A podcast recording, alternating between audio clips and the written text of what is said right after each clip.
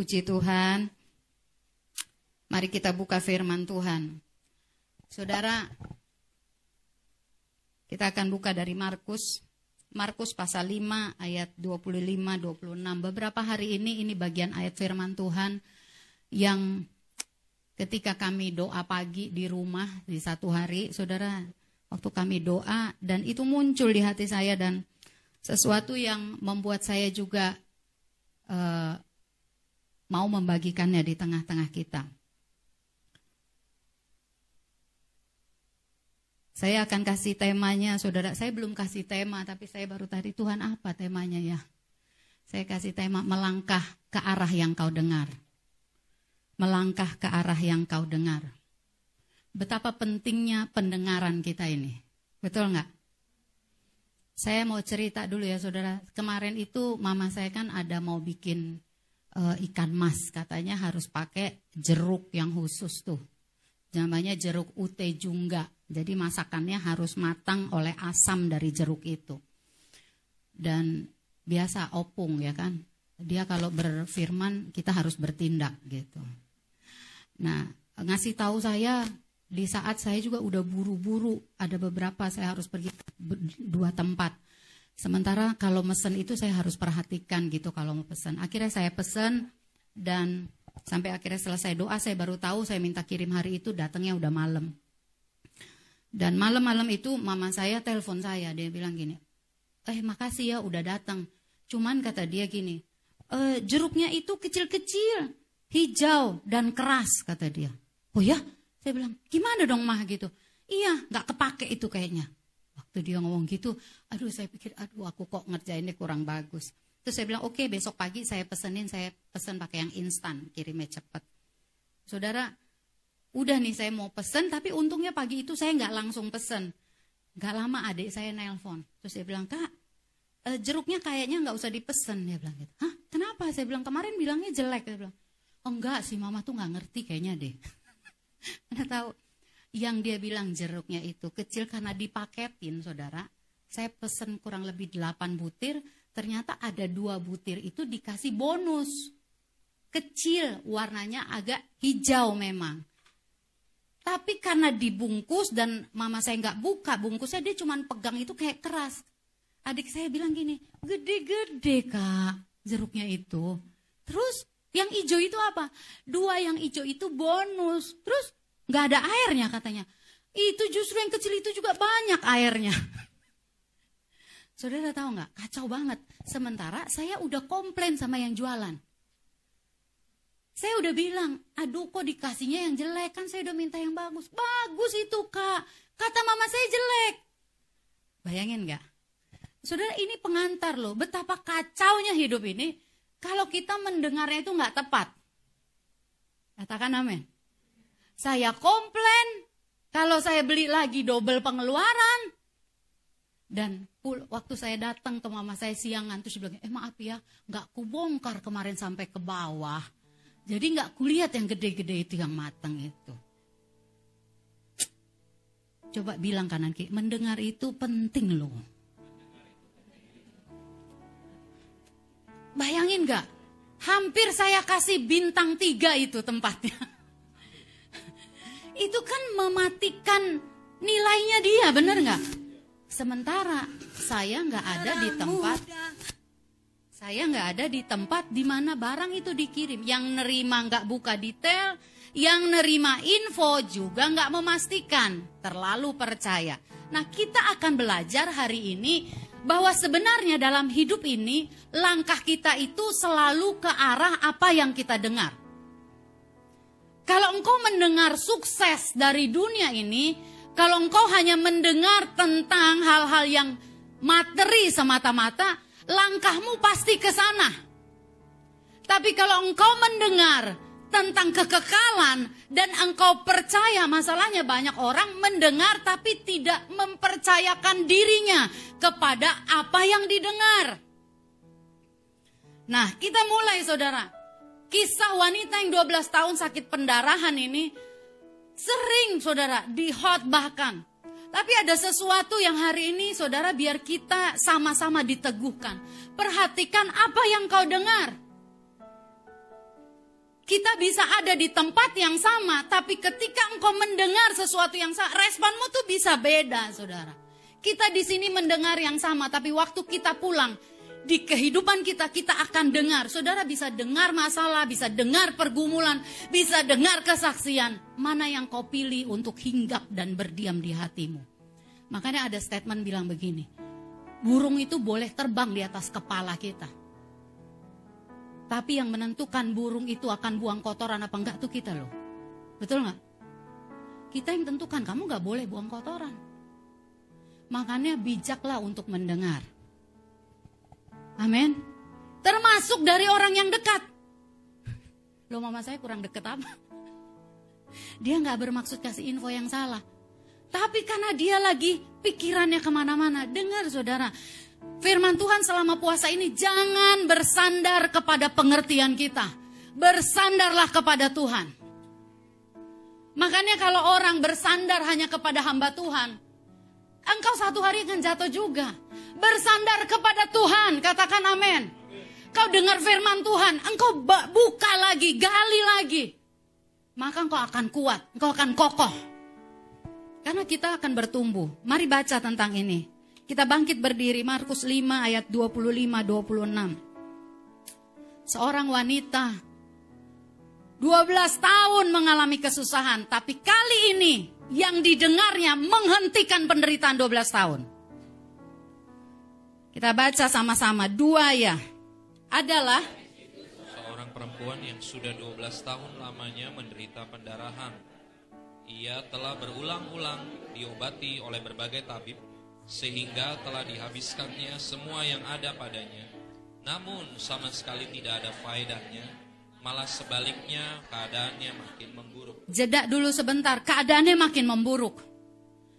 Saudara kita punya loh, pergumulan yang mungkin udah 12 tahun kita doain.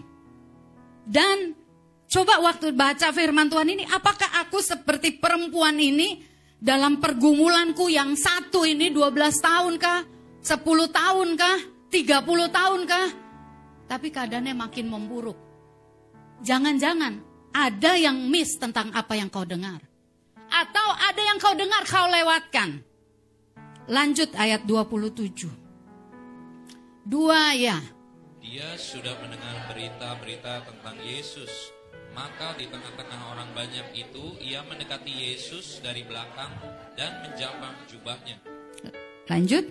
Sebab katanya, asalku jamah saja jubahnya, aku akan sembuh. 29.30 Seketika itu juga berhentilah pendarahannya. Dan ia merasa bahwa badannya sudah sembuh dari penyakitnya. Haleluya. Sampai di situ dulu silahkan duduk kembali.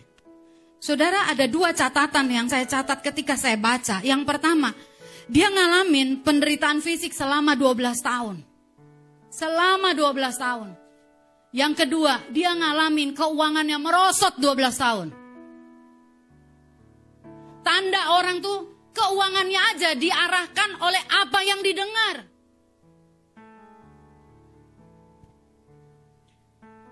Fokusnya saudara, fokus wanita ini selama 12 tahun bukan Yesus. Fokus wanita ini tabib. Siapa? Tabib bukan Yesus. Fokus yang kedua apa? uang. Fokusnya uang. Karena kalau dia nggak punya uang, dia nggak bisa ke tabib. Yang ketiga, fokusnya apa? Upaya diri sendiri. Dan 12 tahun itu zong. Saudara, kalau engkau sakit, engkau ke dokter, itu nggak ada masalah. Tapi kalau engkau lupa untuk terus datang dan mendengarkan, menyendengkan telingamu kepada Dia. Ada yang salah dengan kita. Katakan amin. Penderitaannya, saudara, 12 tahun, merosot. Dicatat tiba-tiba, ayat 28 dia berkata salah seorang boleh baca buat kita. 27-28. Dia sudah mendengar berita-berita tentang Yesus maka di tengah-tengah orang banyak itu ia mendekati Yesus dari belakang dan menjamah jubahnya.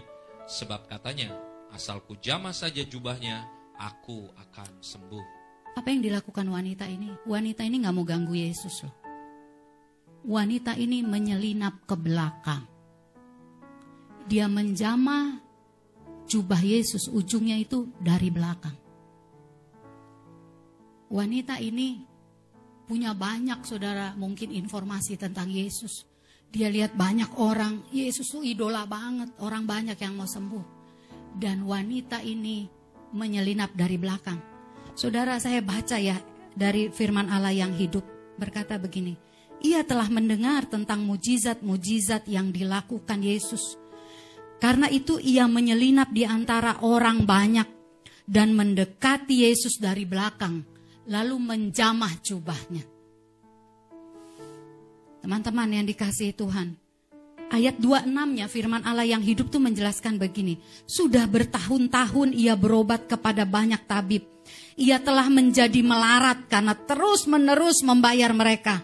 Tapi bukannya sembuh, malahan semakin parah. Ada satu yang saya tangkap di sini begini saudara. Dia udah dengar banyak tentang Yesus, tapi hari itu berbeda. Yang dia dengar menggerakkan hatinya. Dia membulatkan tekadnya, mengarahkan diri kepada apa yang didengar. Dia menyelinap, dia hanya melakukan hal yang kelihatan kecil, tapi bayarannya besar. Yang dia yakini dari pengharapannya akan apa yang didengar, itu membuat dia mengabaikan banyak orang. Saya mau berkata begini saudara, dalam doa kami, dalam untuk pribadi pun. Saya bilang Tuhan, doa puasa ini kan pribadi, sekalipun geraknya korporat. Makanya nggak ada, saya nggak pernah nanyain, kok nggak datang?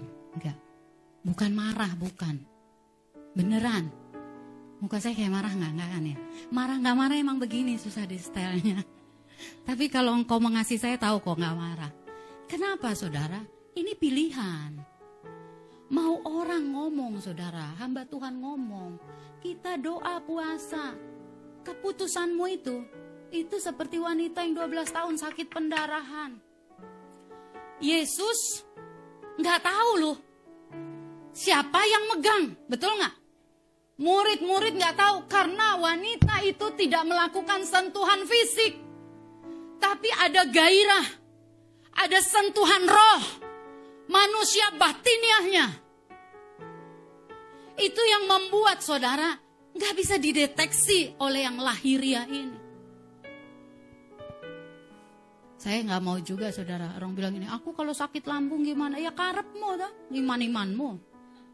Ada yang gini, doain saya ya kak. Lu aja nggak doa kok, gue terus yang suruh doain nih malas.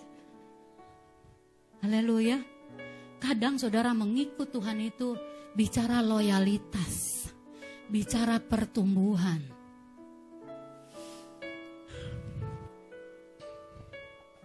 Pak Luhut bilang kan ya, jam 2, jam 3 perut kayak digergaji ya.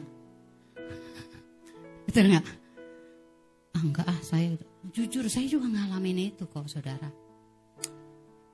Masalahnya kan gini ya, ada orang yang merasa dia udah lebih berat puasanya dari orang. Iya nggak? Padahal kau cuma di kantor. Ada yang di lapangan lebih kena matahari. Ada yang masalah cuma karena naik tangga empat lantai. Dia nggak tahu orang naik turun angkot di tengah terik. Bilang, bilang sama kanan kirinya, Sekali-sekali tanyain yang lain.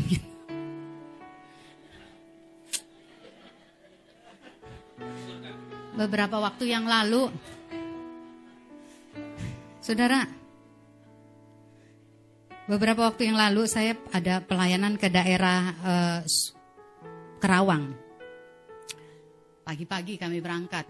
Hari itu baru pertama kali terjadi di keluarga kami, kami pelayanan bertiga dan semuanya bagus. Tuhan atur indah. Pulang dari situ kami mampir ke Cibitung. Anda tahu di Cibitung rumah siapa?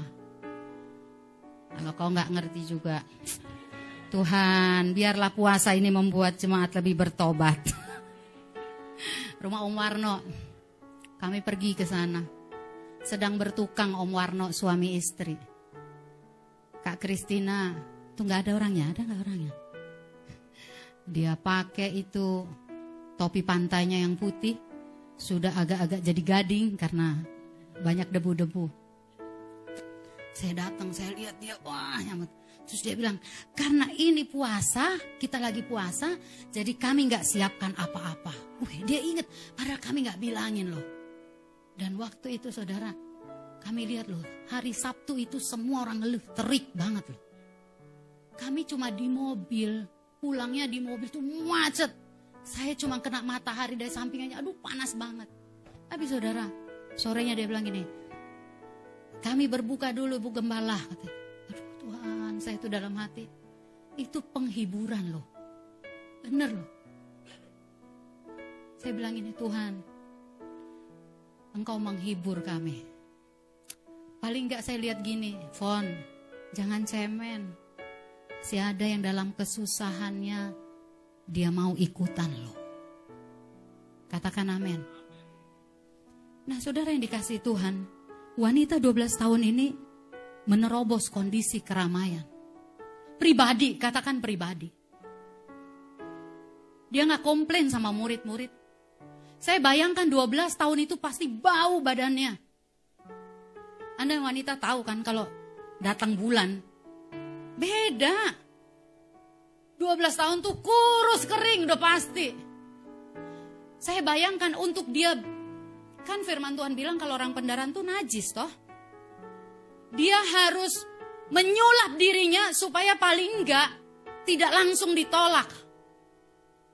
Ada upaya dari diri wanita ini supaya dia tidak ditolak. Kalau dia udah ditolak, gagal saudara rencananya mendekati Yesus. Dia nerobos. Kenapa dia bisa nerobos? Karena golnya buat dia adalah ujung jubah Yesus. Bukan muka Yesus. Ujung jubah Yesus membuat dia terseok-seok pun dia akan hampiri. Dia nggak minta tolong orang. Dia nggak bilang gini, tolong dong biar aku gol. Enggak. Ujung jubah Yesus itu jadi fokus pandangannya. Dan dia nyentuh dari belakang. Dan waktu dijamah saudara. Saya tiba-tiba saudara ngerasa pasti ada kekaguman. Karena ujung jubah Yesus itu ada batu pualam di sana, biru keungu-unguan. Jawaban doa 12 tahun dengan dia menerobos Yesus. Apa jawaban doa yang sedang kau tunggu hari ini? Apakah engkau mau menerobos? Ke mana engkau sedang melangkah hari ini? Ini juga buat saya loh saudara.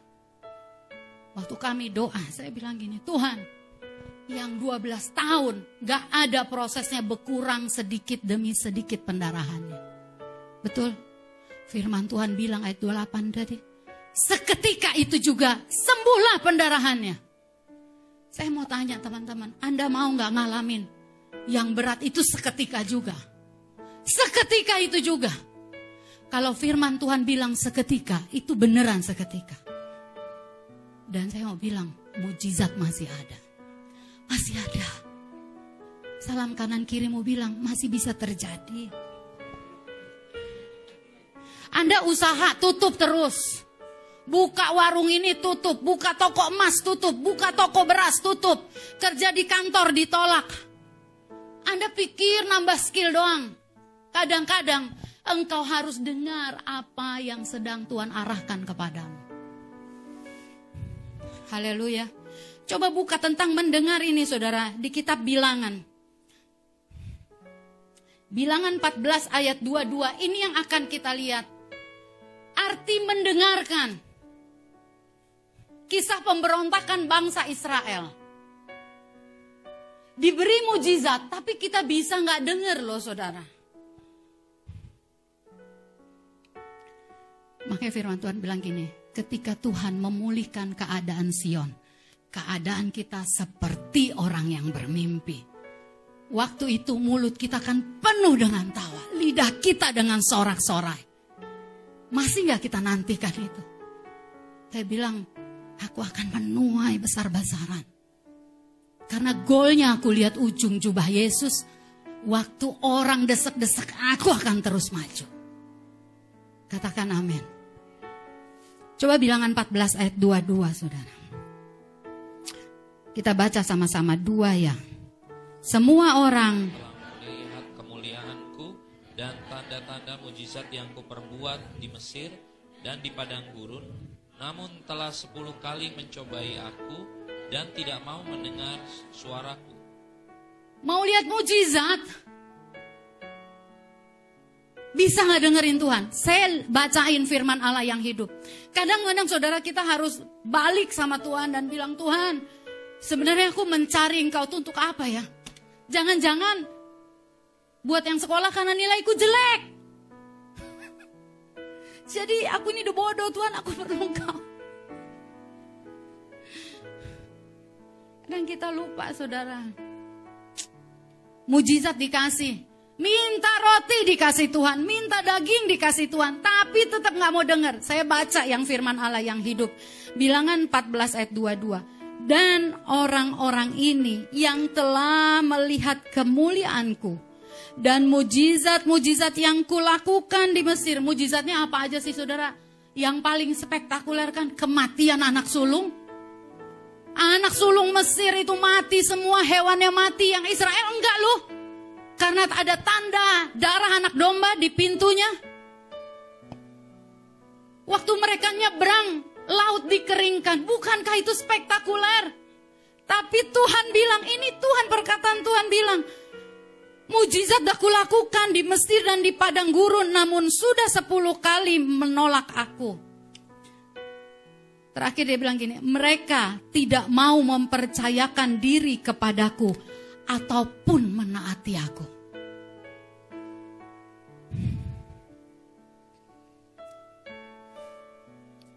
Hari ini saudara, coba cek dulu. Masihkah kita mendengar dia? Mendengarkan dia. Kemarin karya khotbah di doa, doa kita hari, doa puasa kita. Saudara, saya bilang, oh ini bu guru begini kalau khotbah. Kita ditanyain satu-satu kan. Jadi di, kayak ulangan, untuk nggak dikasih lembar untuk kita mengisi dan dikumpulkan dan nanti diisi rapot. Saudara kita bisa jawab, tapi apakah itu masih jadi goal kita juga? Saya baca saudara ini yang saya catat. Waktu itu wanita itu melakukan hal yang kecil. Yang kecil tapi menghasilkan yang besar.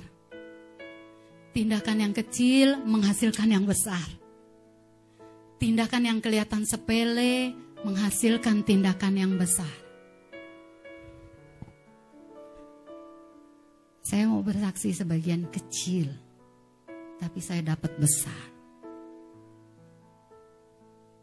Anda harus tahu ya, firman Tuhan bilang gini, berbahagialah orang yang murah hati karena dia beroleh kemurahan. Itu ya dan amin. Ya dan amin. Saya udah lama gak bersaksi, jadi saya pengen godain saudara dengan kesaksian saya juga. Ulang tahun ke-50, saudara, tahun ini. Dari Januari, saya udah aware di hati saya.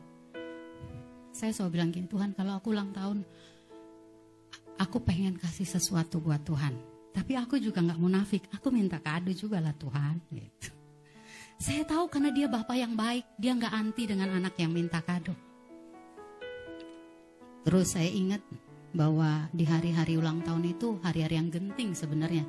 Makanya kalau orang Jawa kejawen tuh puasa ya om ya. Hari ulang tahun. Saya berpuasa. Terus saya bilang gini, waktu itu banyak yang sakit di gereja. Saya dengar berita yang sakit. Kali itu saya bilang Tuhan kalau ada kain kabung, aku kan pakai kain kabung di hari dukaku. Aku cuma mau mengambil bagian yang sesuai dengan hatinya Tuhan. Hari itu kami nggak ngapa-ngapain. Sekretariat biasanya makan-makan, kita nggak makan-makan hari itu ya. Ditunda sampai 10 hari. Lagi berkabung. Dan ada yang nawarin, ngajak makan, ditolak. Itu aneh loh. Tapi saya ingat saya bilang gini, Tuhan, aku percaya ini golden age. Aku dapat hadiahnya dari Tuhan. 50 aku mau berbagi dan aku mau dapat dari Tuhan. Bukan yang selama ini nggak dari Tuhan, tapi sesuatu yang di luar dugaan. Di hari ulang tahun justru saya mulai bekerja dan melakukan bukan di lingkaran yang biasanya saya ada.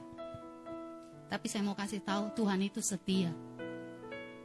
Tuhan itu saudara nggak pernah bohong dia itu konsekuen. Oh dia berjanji dia akan tepati. Hari haknya nggak ada apa-apa. Tapi saya mau bersaksi saudara. Sepanjang saya ulang tahun. Saya kaget. Ada orang-orang yang sederhana. Jauh nggak pernah saya pikir orang itu bisa. Saya sampai terkaget-kaget. Sesuai namanya golden age. Gold yang datang. Betul. Saya nangis loh. Orang sederhana. Untuk hidupnya aja mungkin terbatas. Tapi dia datang satu hari. Dan mereka bilang gini, kami mau kasih ini. Dia nggak inget itu ulang tahun saya enggak. Dia nggak kasih dalam rangka ulang tahun enggak. Tapi dia mau kasih itu karena sudah ditaruh Tuhan sekian lama dan dia mau kasih. Waktu saya terima, Roh Kudus ngomong, Golden Age. Saya buka, Gede saudara. Betul. Saya terima saudara. Saya datang ke satu rumah seorang ibu. Dia bilang selamat ulang tahun. Udah lanjut umurnya. Dia masukkan di jari saya. Selamat ulang tahun ibu. Saya nggak lagi ngomporin saudara untuk berbuat kesendak. Tapi saya mau bilang, Tuhan tahu memberi kebahagiaan kepadamu. Betulan, lewat saudara. Saya pikir, oh ini udah cukup Tuhan, udah cukup. Lagi kita pertemuan pemimpin kelompok di sekretariat. Lagi ngantuk saya. Ngantuk orang WA. Bisa nggak tolong kak gini gini gini gini. Orang udah lama kan. Saya jawab, iya iya. Yang saya jawab itu yang di atas saya saya nggak lihat ada okto. Aku nggak tahu okto. Kalau orang yang punya m banking tahu okto. Iya iya tuh saya nggak tahu. Saya pikir gini, selamat ulang tahun. Saya nggak lihat lagi itunya. Pokoknya tugas aja saya kerjain. Terus dia bilang, kak ini ya sekedar. Saya baca, wih, weh ini bikin mata gue tiba-tiba berbinar loh. Di tengah-tengah itu pertemuan pemimpin kelompok yang redup itu. Saya ingat ya, saya pamer dikit sama Kak Alona. Hari gini lon. Wih kak gitu. Saya cuma mau bilang enggak bukan karena saya melayani. Enggak enggak. Tuhan tuh cuma mau kasih tahu gini ya saudara. Kadang-kadang kau suka mengukur gini dari kerjaan kan kalau pendeta dari mana dari pelayanan kan Tuhan tuh mau kasih lebih dari itu waktu bangsa Israel dibawa keluar dari Mesir dan Tuhan memberi waktu perkenanan. Mereka cukup ketuk pintu rumah orang Mesir, mereka pulang bawa emas keluar dari Mesir itu. Makanya pertahankan belas kasihan. Pertahankan kemurahan hati. Katakan amin. Habis ini jangan deket-deket ya. Saudara, Seringkali kita kehilangan tindakan-tindakan iman yang kecil. Untuk mengalami perkara yang besar. Anda tahu orang sakit. Gak selalu uang. Gak selalu uang, katakan gak selalu uang. Waktumu tuh kadang-kadang lebih mahal. Wanita ini menyenangkan hati Tuhan waktu yang dia dengar, dia melangkah. Saudara Tuhan senang waktu hidupmu dan hidupku dipulihkan. Waktu ibu ini mengalami mujizat, Tuhan senang. Tuhan gak suka hidup kita sengsara, saudara. Tapi sering kali kita memilih bilangan tadi berkata mereka sudah sepuluh berpuluh-puluh kali lihat mujizat di Mesir, tapi mereka nggak percaya.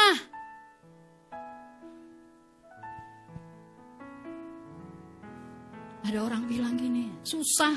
Enggak, enggak susah. Tapi kalau orang bilang, tapi kan kakak masih banyak nggak punya, banyak yang nggak kupunya. Tapi aku juga bisa banyak yang kupunya. Amin. Cerita dikit nih, nyinggung anak saya dikit lah, nggak apa-apa lah ya. Saya ajak dia satu hari ke pelayanan. Bantulah mama main gitar. Tapi akhirnya dia nyerah.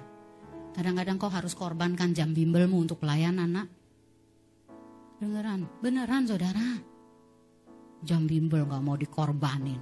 Giliran main lu bisa gitu. Dia melayani saudara. Waktu pulang kan saya ledekin. Bro, kulihat ada amplop tadi disedorkan. Apa sih mama, apa sih? Gitu. Biasa kan, mama-mama kan hijau matanya kalau ngeliat yang gitu-gitu kan. Saya bilang, berapa? Apa sih? Biasa. Saya kalau udah apa sih, saya curiga banyak. Ya nggak? Benar nggak Kak? Kalau yang banyak tuh agak dikit. Kalau yang dikit dia blakin sih. terus, terus, udah kami pulang selesai. Besoknya kami tanya, bapaknya yang nanya, dek, berapa dek gitu. Dia sebut angkanya. Bapak dek, gede loh itu. Itu papa dulu khotbah itu aja udah acara Natal kali itu. Terus saya nyeletukin. Dia bilang, iya padahal permainanku ya cuman gitu gitu. Sebenarnya kadang bukan karena permainanmu dek, karena mak bapakmunya itu. Ya kan? Apalagi model makmu begini. Bisa didatengin orang yang gitu doang lo ngasih anak gua. Dia takut juga mungkin.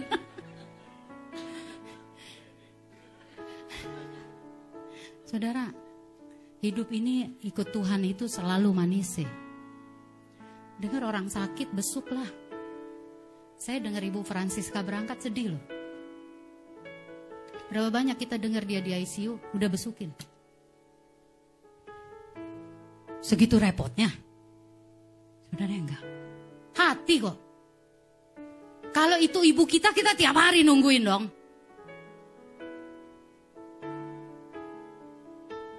Wanita ini saudara, menjadi pesan buat kita.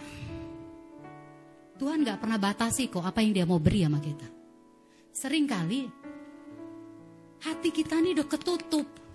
Dapat mujizat kita ngerasa itu layak kita terima dapat berkat, kita ngerasa itu pantas. Sampai akhirnya kita kehilangan saudara gairah untuk mempercayakan diri kepada Tuhan. Jangan besar-besarin tindakan yang kecil saudara. Karena ada harga yang besar yang harus kita bayar. Pak Robert sampaikan saudara tentang tembok Yeriko saudara. Yang mau dirobohin. Itu kan ceritanya coba kita lihat ya, Yosua pasal 6. Yosua pasal 6 itu cerita tentang tembok yang mau dirobohkan. Ada tujuh imam dan tujuh sangkakala dari tanduk domba jantan. Nanti saudara bacalah di rumah ya Yosua pasal 6. Dari tanduk domba jantan. Ceritanya kan bangsa Israel dipimpin oleh Yosua mau mengelilingi tembok Yeriko. Ada prosesinya. Tapi saya mau arahkan kita untuk ada sofar, ada sangkakala yang ditiup. Sofar itu, sangkakala itu, itu dari tanduk domba jantan yang tidak muda lagi. Sofar itu diambil dari domba jantan yang matang, yang dewasa. Dan kapan itu diambil? Bagaimana proses mengambil? Kalau so far ini, nafir ini, sangka kala ini mau dipakai, saudara, mau diambil, domba jantan ini yang sudah matang ini harus disembelih.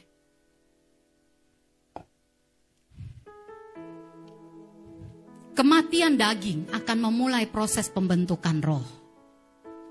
Katakan amin. Hari ini apa yang 12 tahun, apa yang sekian tahun kau doakan Mungkin kita bilang kita udah coba deklarasi, kita udah cobakan A, B, C, D, E. Pertanyaannya satu, apakah engkau masih mempercayakan dirimu kepada Tuhan? Taat tuh sampai begini loh, aus. Enggak, karena aku udah janji sama Tuhan.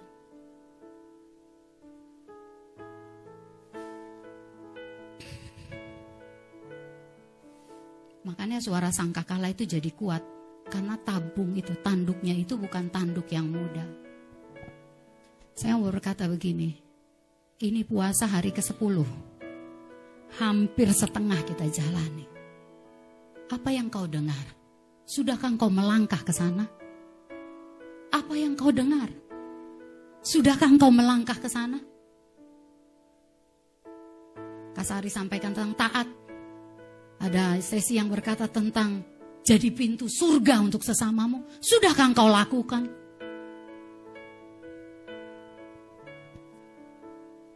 Satu hari ketika kita, saudara, pulang ke rumah Bapak, kita kan kaget loh lihat. Ternyata semuanya film tentang hidup kita diputar di sana. Coba lihat Markus lagi sebelum nanti kita akan berdoa.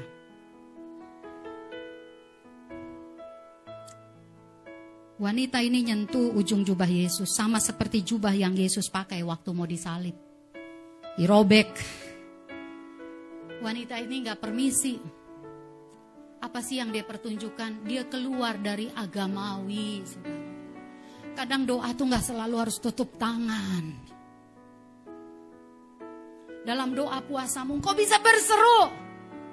Dalam doa puasamu engkau bisa melakukan lebih dari orang lain. Engkau mau datang ke pertemuan doa atau enggak, itu bagianmu sendiri. Karena tiba waktunya upah itu akan kita terima sendiri-sendiri. Atau engkau melakukannya, aku terbatas, aku nggak punya transport. Aku lakukan di kamar doaku. Tapi dalam hatimu mungkin Tuhan berkati aku supaya aku bisa berangkat. Kau bisa buktikan Tuhan. Pada hari puasamu. Yesaya 58. Kalau kau melakukan banyak hal yang menggugah hati Tuhan, dia akan berkata, kalau kau mencari aku, dia akan berkata, ini aku.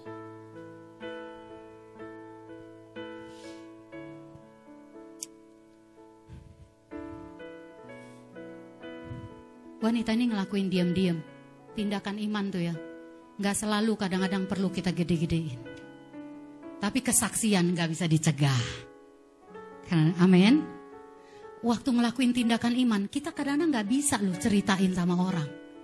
Tapi waktu gol, kesaksian itu nggak bisa ditutupi, saudara. Katakan amin, katakan amin. Saya punya obsesi di dalam Tuhan. Bulan ini, saudara, lagi saya kejar terus. Saya pernah ceritakan, saudara, ulang tahun gereja Jangan cuma minta gedung. Tuhan tuh nggak kita minta aja bisa ngasih kok. Betul nggak sih? Bisa orang firman Tuhan bilang lebih dari apa yang aku minta.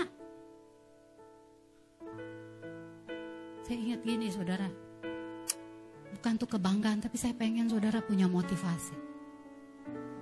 Saya lanjutin baca Alkitab saya, saya kejar Kadang malam gak tidur baca, bangun tidur selain rumah baca. Targetku selesai, jadi hadiah buat ulang tahun gerejaku. Kecil, tapi menghasilkan hal yang besar. Engkau tuh punya cinta pribadi sama Tuhan. Gak grosiran. Katakan amin. Cintamu itu di etalase nggak di box yang di sale rame-rame. Anda tahu yang di sale biasanya ada benangnya ketarik. Nggak barang yang diingini. Puasa ini lakukan lebih, lakukan lebih. Melangkah ke arah yang kau dengar. Melangkah ke arah yang kau dengar. Lakukan lebih karena cinta kepada Tuhan. Saya lihat saya hitung tanggal 20 hari ini. 11 hari lagi aku harus finish. Jalan naik mobil saya baca. Kak, kakak nggak ngerti. Banyak yang nggak aku ngerti, aku baca kok. Aku janjinya bukan untuk ngerti firman, baca firman. Kok kita kadang-kadang berlebihan. Aku maunya bacanya pelan-pelan ngerti. Wong sampai udah tua gini juga nggak ngerti semua kok. Betul nggak sih? Kadang kan kita suka gombal ya, colek kanan kiri. Jangan gombal sama Tuhan. Aku baca tapi kalau nggak ngerti kan percuma ya. Ada yang harus engkau baca firman Tuhan bilang gini, berulang-ulang kali, ulang-ulang kali baru ngerti. Saya ingat nih tanggal 20, 11 hari lagi. Baca, tandain, baca. Saya lihat 89 persen, yes 11 persen lagi. Yang berasa tuh waktu 25 persen lama banget. Baca lagi, baca Yehezkiel. Ya ampun gini banget ini ceritanya. Baca lagi, baca lagi. Sampai saya mau bilang gini, Tuhan, aku akan kasih ini gift buat engkau. Ucapan syukur gerejaku disertai engkau sampai hari ini. Kau mau kasih apa? Ngasih uang. Disuruh kolekan aja menjerit. Kau mau kasih apa? Nyawamu? Enggak lah, masih ada keluarga kita yang mau nyawa kita. Kau bisa kasih yang namanya CINTA. Apa itu? CINTA melangkah ke arah yang kau dengar. Yang terakhir, buka Mazmur. Mazmur 81.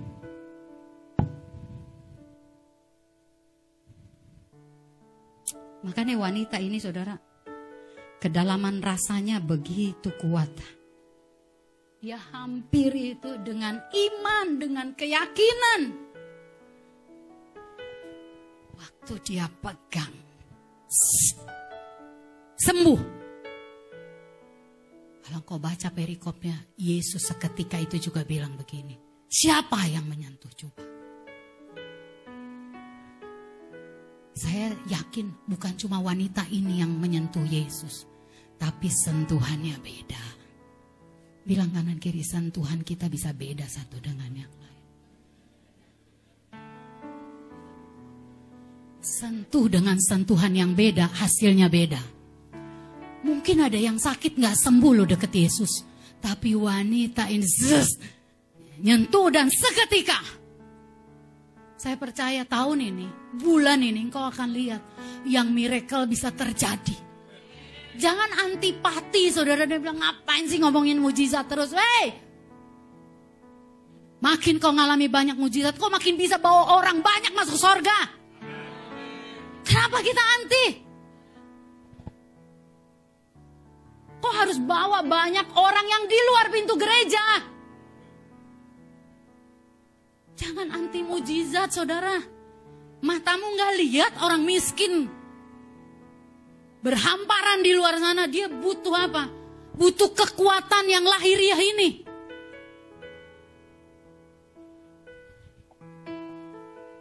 Kadang-kadang kita khotbah, Habis itu dia bilang lapar om, gue juga gak punya duit ya ngomong lu.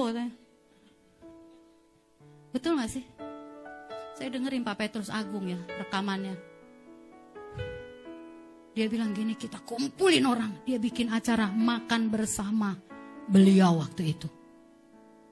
Ratusan orang hamba Tuhan daftar. Cuman makan bersama. Dia cuman bilang begini.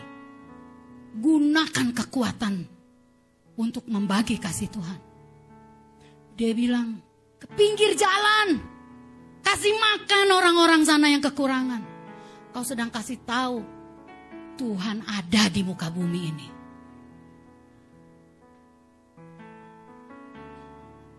Melangkah ke arah yang apa yang kau dengar. Haleluya. Saya terlalu yakin saudara.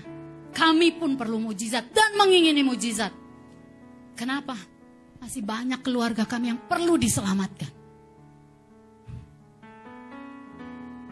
Banyak kita ya saudara, melihat orang kekurangan ya udah kita doain. Kenapa? Enggak punya.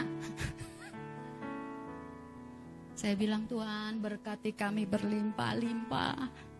Kami harus mulai dari rumah kami sendiri. Saya dengerin Bapak ini gila bener. Bikin acara 12 ribu ngasih makan. Saya dengerin orangnya udah pulang ke sorga. Tapi kesaksiannya masih jadi berkat loh. Wow.